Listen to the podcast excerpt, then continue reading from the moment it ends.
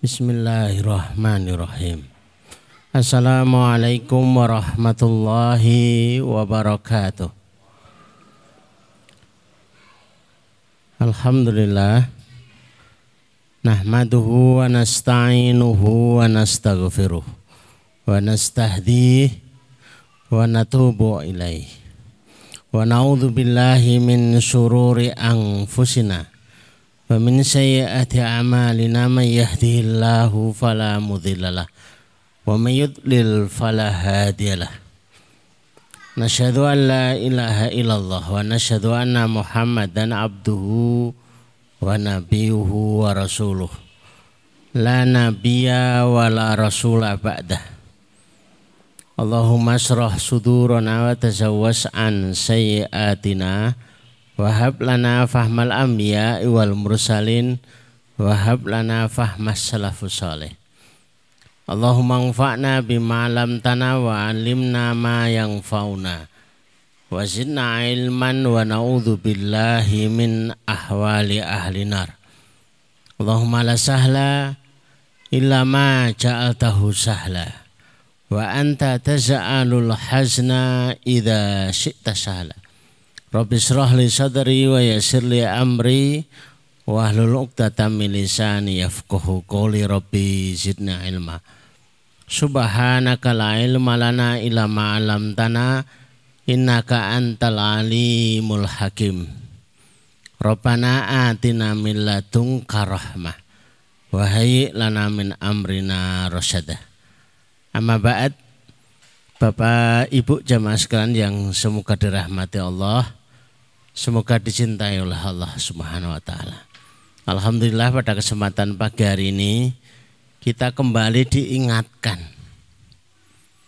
bahwa ada bagian dari kehidupan kita yang harus kita selesaikan yaitu hutang. Rasulullah itu setiap ada orang beriman di antara sahabatnya itu yang meninggal dunia itu selalu berdiri di depan kaum muslimin dan menyabdakan siapa yang menjamin hutangnya. Kalau tidak ada yang menjamin hutangnya, maka tidak disolatkan. Sampai ada yang menjamin hutangnya. Ketika ada yang tunjuk tangan, saya yang menjamin. Dan kebiasaan itu selalu diperankan oleh sahabat Utsman bin Affan. Itu langganan. Kalau sudah ada yang menjamin hutangnya jenazah, maka disolatkan jenazah. Pada sholat itu jaminan bahwa jenazah itu akan diampuni oleh Allah Subhanahu wa taala. Karena sholat itu sendiri itu bagian daripada doa begitu disolatkan maka lantunan doa itu dilafatkan Allahumma gfir lahu warhamhu wa'afihi wa'fu anhu itu di antara yang dilantunkan kepada mereka yang akan menghadap kepada Allah Subhanahu wa taala. Bapak ya, Bapak dan Ibu yang semoga dirahmati Allah.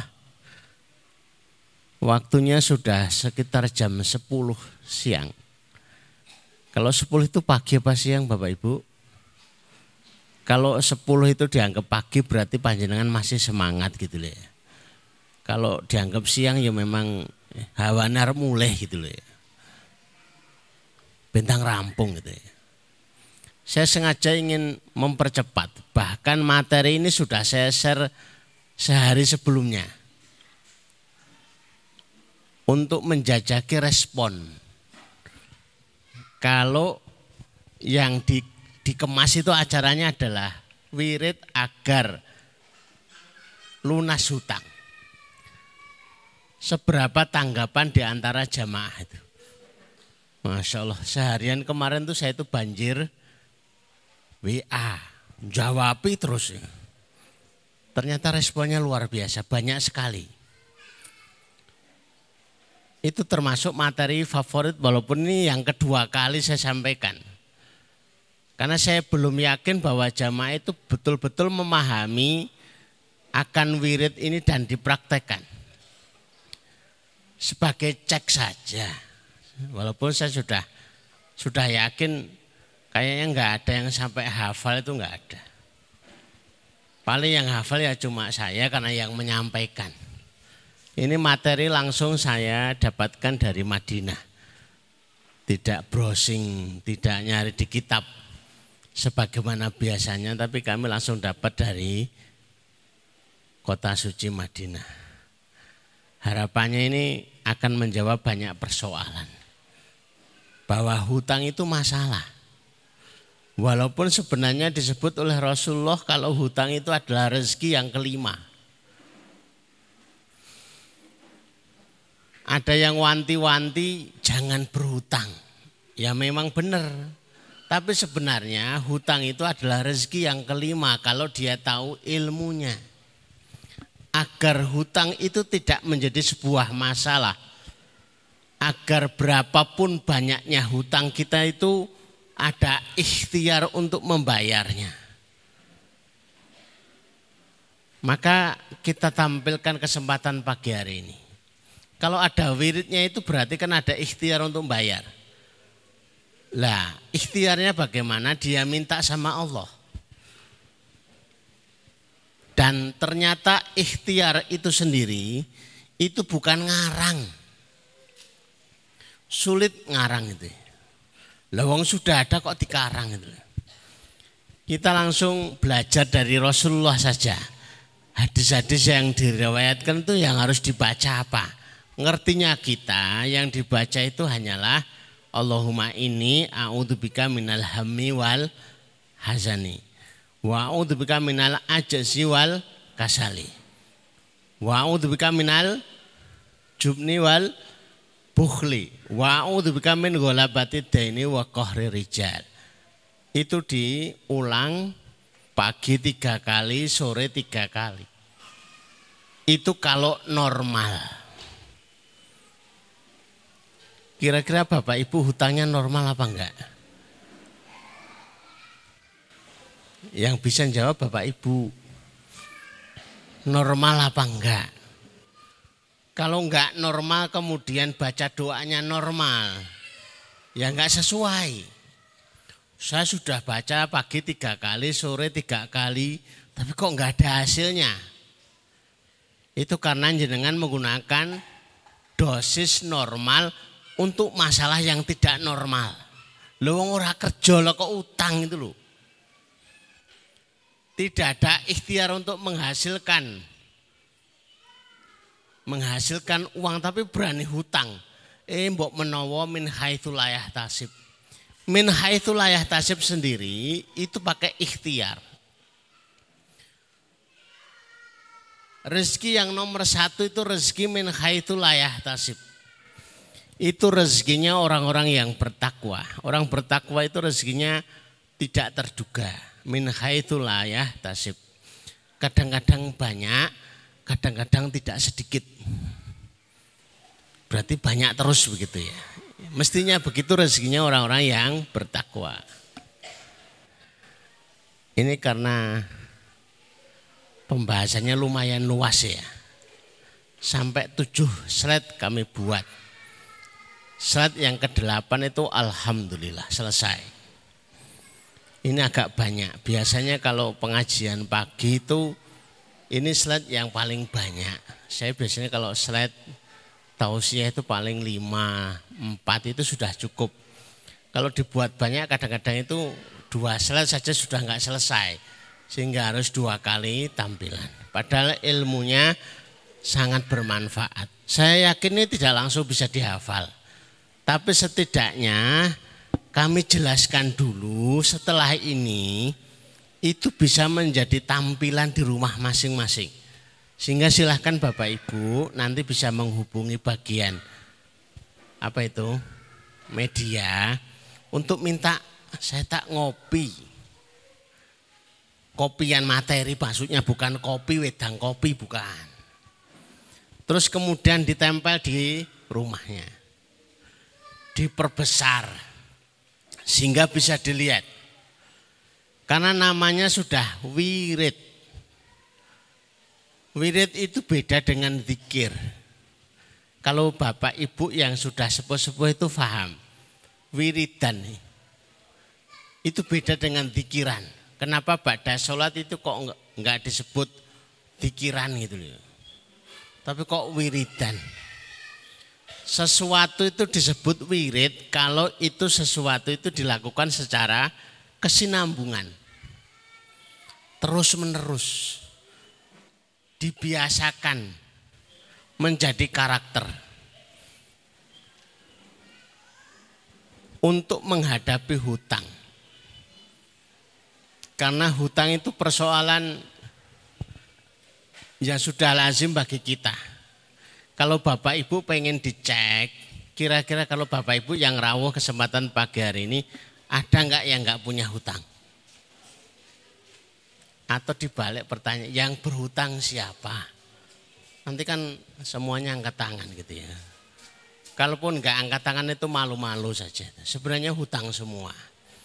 Wong sudah selesai hutang itu malah merencanakan hutang selanjutnya. Bahkan belum selesai hutangnya itu sudah merencanakan banyak rencana hutang. Hutang selanjutnya, hutang selanjutnya, double, double, double. Dikarenakan Rasulullah Shallallahu Alaihi Wasallam menyatakan bahwa hutang itu masalah yang harus diselesaikan karena menyebabkan idah hadatha kadaba. Hutang itu kalau tidak terbayar, itu pelakunya itu cenderung terjerumus kepada sebuah sifat. Hadatha kadaba. Kalau ngomong itu dusta. Biasanya begitu. Arab dibayar kapan? Insya Allah bulan depan. Sudah pakai insya Allah tapi ya namanya nggak nggak ada kejelasan ya. Ya insya Allah bulan depan. Sesok dibayar. Apalagi nggak pakai insya Allah. Lebih parah lagi tuh. Itu ngapusi. Rata-rata meleset. Kami survei karena ini adalah masalah umat, kami nyampaikan di beberapa pengajian. Sebab nomor satu hutang yang enggak cepat-cepat lunas atau bulat tidak lunas-lunas itu disebabkan nomor satu idah hadatha kadaba. Pertamanya disebabkan adalah dia itu ngomongnya tidak benar. Kamu pinjam buat apa? ini buat renovasi. Ini buat beli motor. Beneran enggak? Enggak. Pinjam 70 juta buat renovasi. Yang untuk renovasi beneran berapa? 50 juta. Yang sisanya buat apa? Buat beli HP, buat beli kuota, buat beli yang lain-yang lain. Ini sudah hadatha kadaba. Itu sudah disurvei, artinya sudah dibuktikan di kenyataan kehidupan. Orang yang hutangnya itu sudah dia awalnya dengan hadatha kadaba.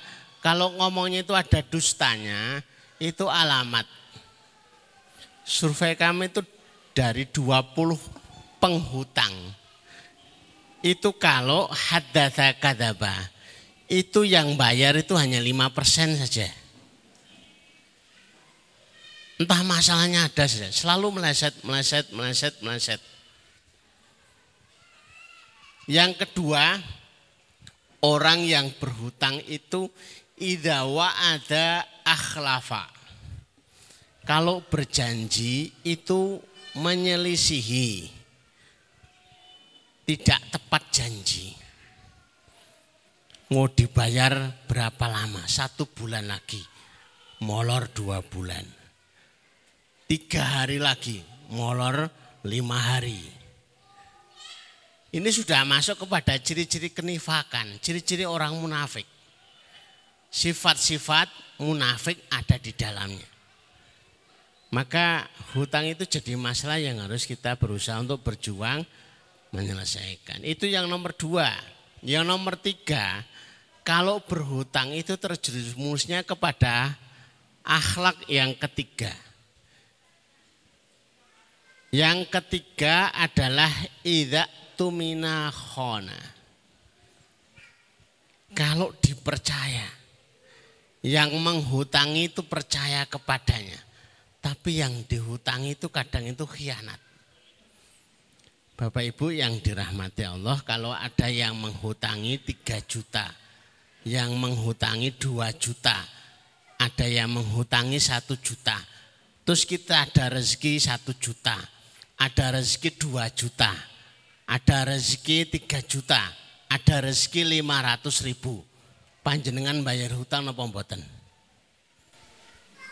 Ini pertanyaan loh. Dijawab dengan karakter biasanya aja. Bayar hutang langsung, apa mboten? Biasanya diputer dulu, se tak bisniskan, diputer. Namanya ini berkhianat. Lewong dipercaya dikasih hutangan, waktu sudah ada, tidak segera dibayar malah diputer, dimanuverkan. Sehingga usahanya nggak berhasil, gagal, hutang tidak belum terbayar, tambah hutang lagi, tambah waktu lagi. Ini masalahnya. Maka kita akan selesaikan dengan yang diajarkan oleh Rasulullah melalui sebuah doa-doa yang kita susun kemudian dirutinkan harapannya semua yang hadir itu dapat ilmu terus kemudian diamalkan dirutinkan terus hutang-hutangnya itu jadi lunas insya Allah mari kita masuk yang pertama amalan wirid yang pertama itu apa? Agar hutang kita itu dilunaskan oleh Allah Subhanahu wa taala. Tapi sebagaimana tadi saran saya tadi, sini sebaiknya itu dalam bentuk yang ditempel di rumah masing-masing. Ini hanya penyampaian ilmunya saja. Adapun tulisannya nanti silahkan menemui bagian media untuk kalau belum dibuat karena memang belum dibuat, saya belum pesen, nanti tinggal saya minta diprintkan. Saya minta dibuatkan yang gede biar tak tempel di tempat tidur. Biar nggak lupa karena hutangnya belum lunas, lunas sampai sekarang. Kenapa disebut wirid? Itu pertanyaannya dari tulisan ini. Karena selayaknya dibaca terus-menerus jadi ungkapan disebut wirid itu karena bacanya adalah terus menerus. Bukan hanya habis sholat, bukan hanya pagi, bukan hanya sore, tapi terus. Saya yakin Bapak Ibu jarang yang sudah praktek. Doa yang Allahumma ini a'udzubika minal hami wal hazan wa a'udzubika minal ajzi wal kasal wa bika minal jubni wal bukhli wa bika min ghalabati dain wa rijal. Ada enggak yang baca sehari 10 kali? Kayaknya enggak ada. Ada enggak yang baca sehari 20 kali? Ada enggak yang dijadikan wirid pakai tasbih ya enggak apa-apa. Setiap saat itu Allahumma ini a'udzubika minal hammi wal hazan wa untuk menala aja wal kasal. Terus itu. Karena itu sebuah tanggung jawab yang harus tertunaikan. Hutangnya harus dilunaskan. Maka dia mohon betul. Yang jadi masalah itu kita itu biasanya yang harus hilang dari kita yang pernah kita bahas dalam sebuah pengajian namanya benalu sukses. Jadi kalau masih ada pada kita benalu sukses, itu sulit untuk lunas hutang itu. Kita tidak pede, tidak percaya diri, maka benalu kesuksesannya harus dihilangkan dulu. Doa tadi isinya delapan benalu kesuksesan. Wirid itu karena selayaknya dibaca terus menerus. Bahkan dari sebagian doa ini Nabi Shallallahu Alaihi Wasallam sangat memperbanyak untuk membacanya baik di waktu sholat maupun di luar sholat. Ketika beliau ditanya, ya Rasulullah kenapa kok diulang-ulang terus? Jawaban Rasulullah, Innar rajula idha gharima haddatha fakadhaba wa wa'ada wa akhlafa. Seseorang itu kalau sudah berhutang, itu kecenderungannya adalah kalau ngomongnya itu ngapusi. Maka ibu-ibu ikut berperan bapaknya punya hutang apa enggak. Kalau berani berhutang, tidak bertanggung jawab, siap-siap. Yang keluar dari lisannya itu sulit untuk dipercaya omongannya.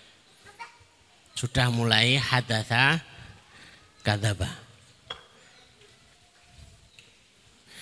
Yang kedua, kalau berjanji dia akan akhlafa, menyelisihi Ia mudah berdusta dan kalau berjanji mudah dia itu untuk menyelisih. Ini diriwayatkan dari Imam Bukhari. Artinya ini valid. Karakter manusia itu kebanyakan demikian. Mari kita lihat yang pertama. Coba next ya.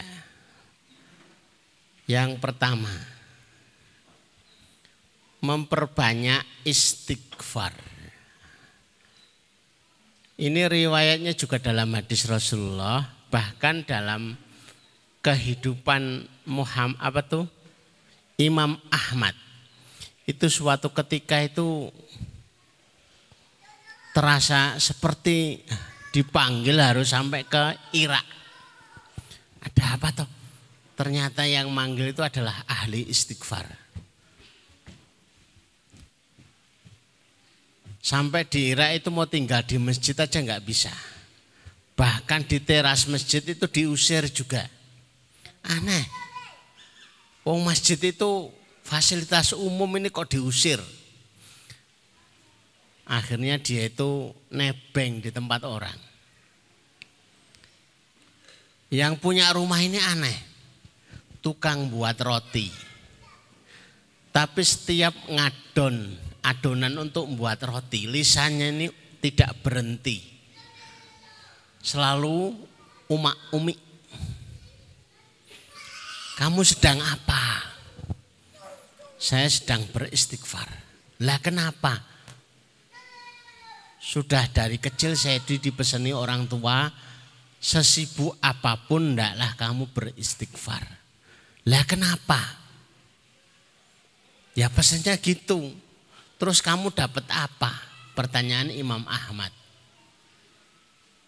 Ini sudah berapa lama di di lazim itu sudah berapa lama? 30 tahun. Bayangkan Bapak Ibu yang dirahmati Allah, istighfar 30 tahun. Artinya kita jauh banget. Apa yang kamu dapatkan selama 30 tahun?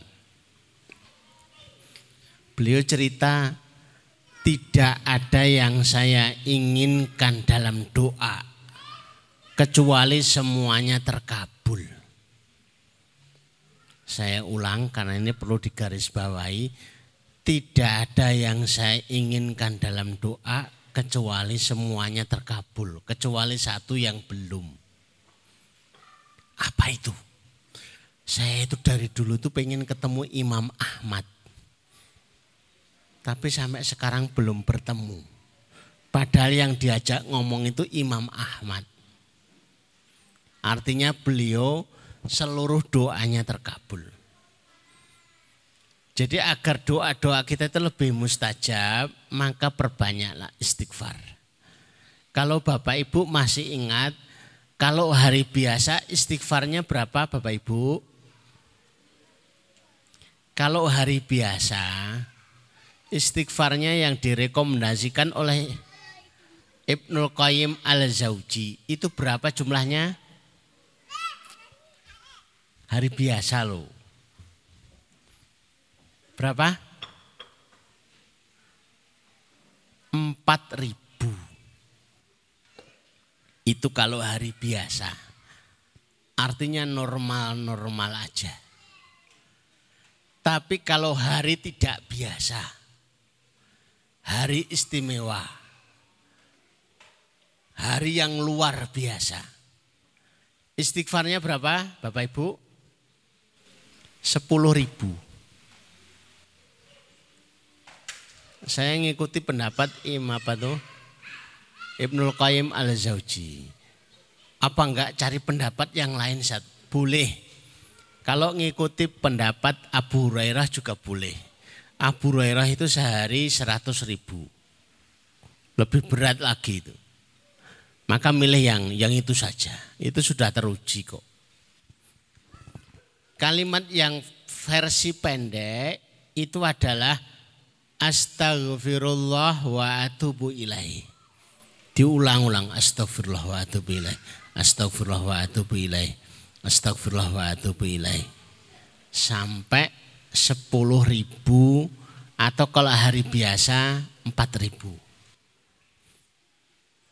Jadi kalau panjenengan itu sedang dililit hutang, sulit melunasi. Lah kok jarang istighfar itu aneh gitu loh. Kerja yang enggak, ikhtiar duniawi ya amal soleh ya enggak. Lah terus bagaimana cara lunasnya hutang? Kalau panjenengan itu punya hutang dan kemungkinan untuk melunasinya itu adalah kesulitan maka istighfarnya itu minimal 10 ribu setiap hari. Atau pakai versi yang panjang. Versi yang panjang itu adalah Sayyidul Istighfar. Allahumma anta rabbi la ilaha illa anta khalaqtani wa ana abduka.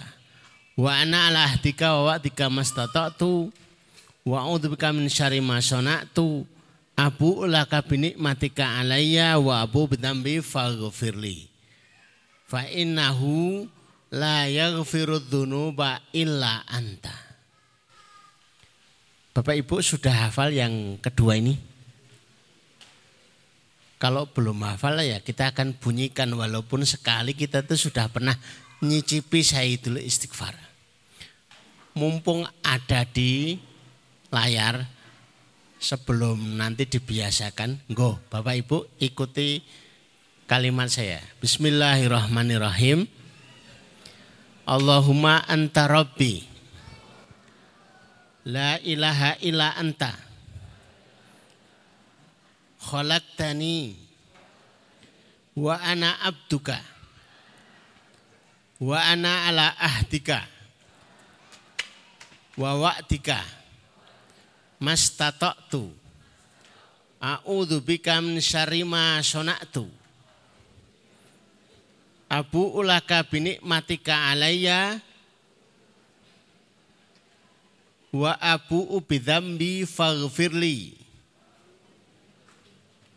fa innahu la yaghfiru dhunuba illa anta. Ini sebutannya Sayyidul Istighfar. Pemimpinnya istighfar. Karena sudah mewakili dari sebagian besar istighfar. Ada kalimat ya Allah sebanyak dosa yang pernah kami perbuat.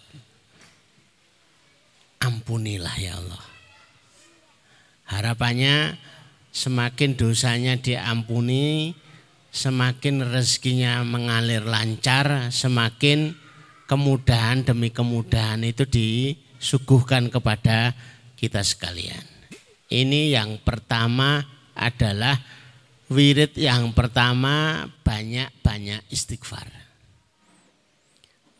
Berapa banyak? Kalau itu hari yang biasa normal itu 4000. Tapi kalau hari yang tidak biasa 10000. Tapi kalau mau dilebihkan tidak masalah. Diperbanyak sebanyak-banyaknya. Biasanya kalau disuruh sebanyak-banyaknya itu malah nggak banyak. Daripada nggak banyak mending saya sebut angka aja. Sudah 10 ribu aja lah. Kami pengalaman punya jamaah kalau Jumat hadir, kadang Ahad juga hadir. Ternyata istighfar 10 ribu itu luar biasa. Tapi kalau belum 10 ribu itu reaksinya kurang. Apalagi tidak dengan hitungan. Itu kadang-kadang istighfar, kadang-kadang tidak istighfar. Tapi lebih banyak tidak istighfarnya. Karena kelupaan. Coba yang kedua ditampilkan di slide. Yang kedua adalah memperbanyak sholawat kepada Nabi Shallallahu Alaihi Wasallam. Bapak Ibu yang dirahmati Allah, kalau kita bersolawat itu sepertinya mendoakan Rasulullah. Tapi sesungguhnya dengan bersolawat itu kita mendoakan diri kita sendiri. Siapa yang bersolawat satu kali, maka kembalinya kepada kita itu sepuluh kali. Kalau yang paling pendek, versi pendek itu adalah Allahumma sholli wa sallim, sholli wa sallam ala Nabi Muhammad. Itu yang pendek. Atau sallallahu alaihi wasallam. Itu pendek. Tapi kalau yang panjang, lengkap. Allahumma sholli ala Muhammad wa ala ali wa wa ali Muhammad kama sholaita ala Ibrahim wa ala ali Ibrahim innaka Hamidum Majid. Allahumma barik ala Muhammad wa ala ali Muhammad kama barakta ala Ibrahim wa ala ali Ibrahim innaka Hamidum Majid. Mau pakai Sayyiduna, Sayyidina atau tidak pakai tidak ada masalah. Itu yang nomor dua, memperbanyak sholawat. Ini sudah disebutkan minimal kalau versi pendek itu 100 itu yang paling ringan. Tapi kalau versi panjang 40 itu yang direkomendasikan. Tapi kalau catatannya sholawat itu sebanyak-banyaknya. Sambil nyuci sambil masak sambil tiduran sambil aktivitas apa pun monggo silahkan memperbanyak selawat pakai selawat mana pun silahkan. Kemudian yang ketiga ini sudah mulai agak rumit. Memperbanyak berdoa dengan doa ini saat beraktivitas sehari-hari. Kapan pun ingat dia membaca doa ini. Allahumma ini a'udzubika minal hammi wal hasan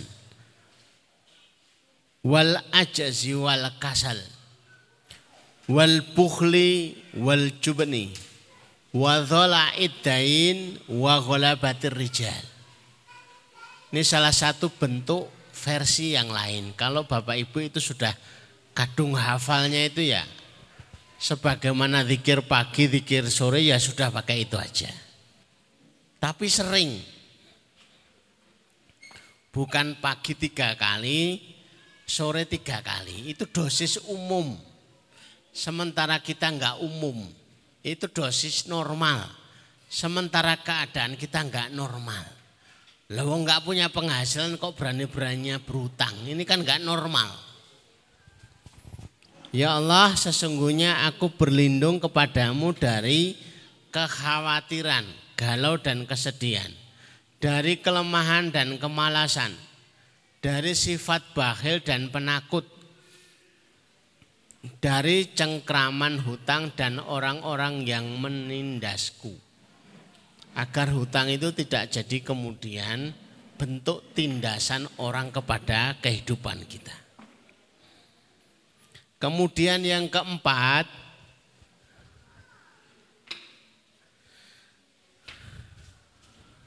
Ini bentuknya doa. Ini seringnya kita baca setiap Jumat ya. Itu salah satu contoh saja. Banyak berdoa dengan doa ini di kala sujud antara adzan dan ikomah serta di waktu-waktu doa secara umum. Ini yang kita baca waktu doa bersama di hari Jumat. Allahumma kfini bihalalika an haramika wa agnini bifadlika amman siwaka. Ya Allah, cukup cukupilah aku dengan rezekimu yang halal sehingga aku terhindar dari yang haram. Cukupkanlah diriku dengan karuniamu sehingga kami tidak butuh dengan karunia selainmu. Ini doanya. agar kita itu sudah terbiasa melafatkan. Go, sarang-sarang kita baca Bismillahirrahmanirrahim. Allahumma kfini bihalalika an haramika wa aghnini bifadlika amman siwaka Ya Allah cukupilah aku dengan rezekimu yang halal sehingga tidak butuh dengan rezeki yang haram. Ya Allah kayakanlah kami dengan anugerahmu sehingga tidak butuh kepada selainmu. Ya. Ini hanya contoh loh Bapak Ibu, tapi selebihnya itu ya kembalinya kepada panjenengan sekalian.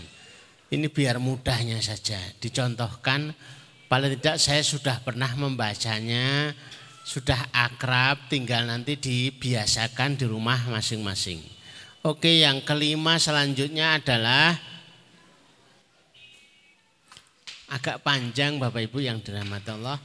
Allahumma rabbas samawati sab'i wa rabbal arsil azim. Rabbana wa rabba kulli syai' falikul habbi wan nawa wa munzilu taurati wal injil wal furqan. A'udzu bika min syari min syari kulli syai' anta akhidum binasiyati. Allahumma antal awwal falaysa qablaka syai' wa antal akhir falaisa ba'daka syai. Wa anta zahir wa laisa fawqaka syai. Wa antal batin falaisa dunaka syai. Ikdi anna dain wa aghnina minal faqri. Ini dibaca sebelum tidur. Yang kami baca di beberapa kitab itu ya jadi sebelum tidur, sebelum mata terpejam, ini baca ini dulu. Ini doa yang aneh. Biasanya sudah cukup dengan bismika Allahumma ayya wa bismika amin.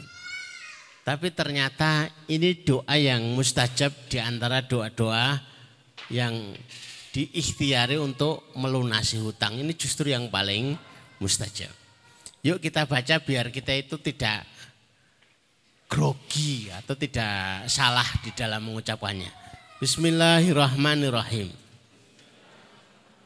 Allahumma Rabbus samawati sab'i wa rabbal arsil azim Rabbana wa rabba kulli syai' falikul habbi wan nawa wa munjilu Taurat wal Injil wal Furqan. A'udzu bika min syarri kulli syai anta akhidum binasiyati. Allahumma antal awwal falaisa qablaka syai' wa antal akhir falaisa ba'daka syai. Wa anta zahir falaisa fawqaka syai. Wa antal batin falaisa dunaka syai. Ikdhi anna daina ikdhi anna daina wa agnina minal faqr lumayan panjang. Tapi kalau sudah dibaca sudah bahasanya itu sudah sudah pernah baca, sudah mulai agak terbiasa nanti tidak salah-salah dalam membacanya.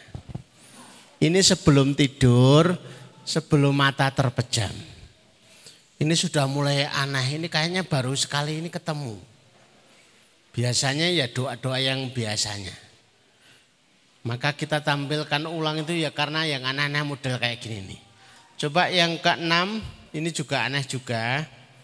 Yang keenam, Allahumma malikal mulki tu'til mulka man tasha wa tanzi'ul mulka mimman tasha wa tu'izzu man tasha wa tudhillu man tasha biyatikal khair innaka ala kulli syai'in qadir rahmanud dunya rahmanud dunya wal akhirah. Warah warahimahuma tu'tihuma man tasha' wa minha man irhamni rahmatan tugni biha an rahmati tugni biha an rahmati man siwaka ini sudah mulai aneh lagi tapi ini termasuk doa-doa yang diajarkan oleh Rasulullah walaupun kelihatan aneh. Makanya saya ajak untuk membaca bersama-sama itu biar nggak terasa aneh. Terus nanti ketika di rumah itu tinggal dibiasakan itu. Yuk ini kita baca biar juga nggak aneh. Bismillahirrahmanirrahim. Allahumma malikal mulki. Tu'til mulka. Man tasha' wa mulka. Mimman tasha. Wa tu'izzu man tasha. Wa tudhillu man tasha. Biyatikal khair. Innaka ala kulli syai'in qadir rahmanud dunya wal akhirah. Wa rahimahuma. Tu'tihuma man tasha. Wa tamna'u minhuma man tasha. Irhamni. Irhamni. Rahmatan tugni biha an rahmati man siwaka Alhamdulillah ini yang nomor enam. Selanjutnya yang nomor terakhir, pikir yang nomor tujuh. Kalau hafal ini sudah luar biasa. Tapi bukan berarti itu sepanjang terus jadi tenang gitu ya. Wah nek ngono ya aku ngutang neh wae, lah wis ketemu wirite kok. Iki duwe ajiane kok. Aku wis disangoni jimat. Lunas nyilih meneh. Zikir meneh. Lunas nyileh meneh. Wirid meneh. Lah saya nggak tahu kalau yang muda seperti ini. Mustajab apa enggak lah nggak tahu modelnya yang penting kami sampaikan ikhtiarnya. Karena urusan hutang ini seorang anak itu bisa durhaka kepada orang tuanya gara-gara sertifikat rumahnya orang tua digadekan. Istri bisa durhaka kepada suaminya. Orang tua jadi hilang sayangnya ke anak. Dulunya itu seneng banget sama anaknya. Ini goro-goro tanahnya habis jadi nggak sayang. Kok jadi nggak sayang sama anak ya? Kok sepertinya ada jarak ya? Maka ini persoalan yang sangat genting ya. Kalau hari ini saya menganggapnya ini genting. Ini belum kami buat seminarnya. Dulu kami biasa buat seminar yang model kayak gini. Dulu seminar pertama kami buat itu di balai kota. Di kabupaten itu ya. Itu yang hadir luar biasa. Banyak. Maknanya hutang itu persoalan bersama Tidak masalah itu orang miskin, orang kaya semuanya itu berhutang. Cuma bedanya itu beda-beda. Ada orang yang datang jamaah donatur datang kepada kami itu jam 9 malam sampai jam 12 malam. Nangis. Cerita masalahnya sambil nangis terus. Tak tanya hutangnya berapa? 7 miliar. Eh besok pagi itu ada tamu lagi jam 9 pagi itu. Itu juga nangis yang tangisannya itu mirip yang tadi malam. Nangis senguan tak tanya, hutangmu berapa? 9 juta. Lah lah. Lawang 9 juta wae kok nangis. Tangisannya mirip yang 7 miliar lagi. Urusannya yang 7 juta itu dulunya punya toko swalayan. Yo mesti nih swalayan kan yo lumayan. Lah yang 9 juta usahanya toko cat jualan cat keliling itu, sales cat itu. Itu sudah berat sekali. Hutang yang 100 juta bagi pengusaha itu tidak besar. Tapi hutang 10 juta itu bagi penjual sayur itu luar biasa susah. Maka bebannya rasanya sama, jumlahnya enggak sama. Maka wiridnya ini yang dibutuhkan untuk selalu ada pada kita. Dihafalkan, ditempel dan mudah-mudahan ya diamalkan ya. Terus disebarkan. Kasihan kalau nggak tahu caranya. Coba yang ketujuh kita lihat. Ini berarti yang Coba dicari yang ketujuh. Jangan sampai saya dapat hutang. Loh kok enam tok? Yang ketujuh mana? Hah? Ternyata cuma ada enam Bapak Ibu. Yang ketujuh ini nggak masuk, nggak masuk slide. Saya sudah kirim tapi belum tampil. Itu hutang saya untuk Bapak Ibu sekalian. Silakan nanti ada pertemuan ngaji Jumat sore ditagih ya oleh. Ditagih doanya loh ya, jangan ditagih hutangnya. Atau ahad pagi juga enggak apa-apa ditagih karena ini kepentingan harus diingatkan. Kalau panjenengan itu punya HP semua dan ikut di grup itu lebih mudah. Tinggal kita susulkan ya nomor tujuh di grup sudah selesai gitu. Tapi karena ini tidak semuanya itu bersama dengan kita di grup, juga tidak setiap orang itu berani. Japri ke saya itu nggak setiap orang berani. Padahal ya boleh. Masalah dijawab atau tidak saya nggak tahu. Karena banyak perginya.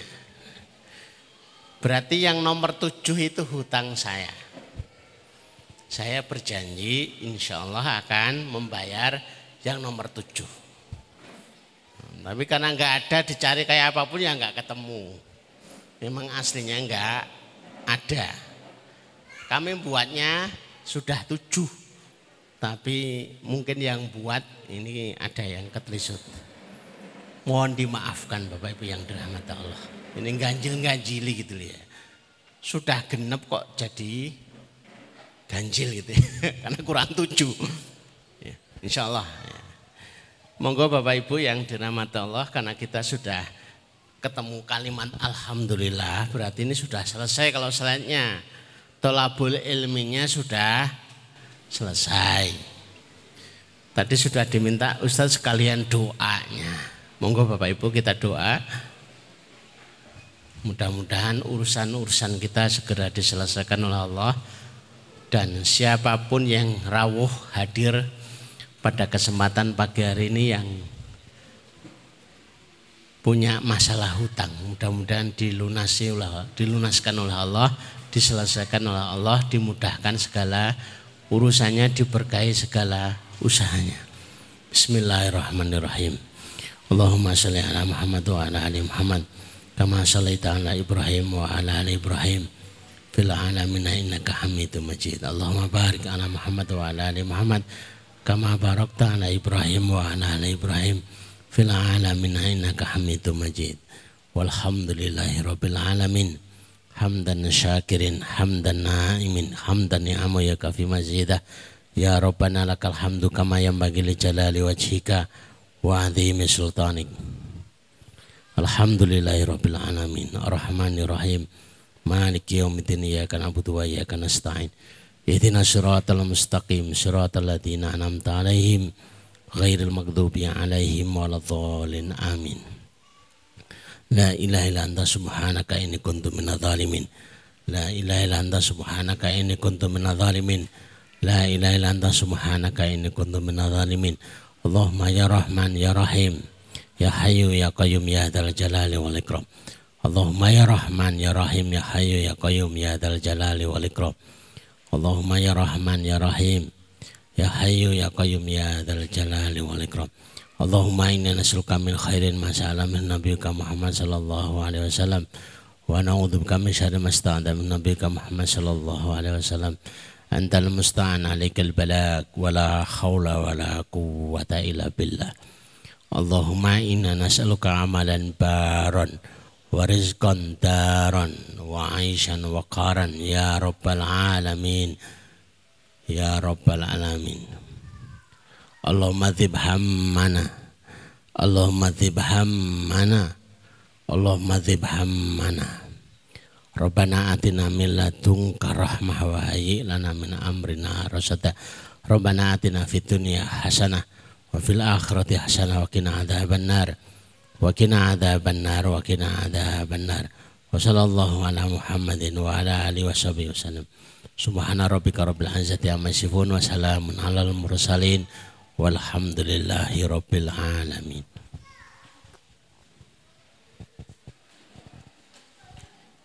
Demikian Bapak Ibu yang dirahmati Allah. Sesi kajian sudah sampai selesai. Masih menyisakan hutang poin yang ketujuh. Ini hutang saya mudah-mudahan nanti bisa terbayarkan. Atas segala kekurangannya kami minta maaf. Aku li walakum. Assalamualaikum warahmatullahi wabarakatuh.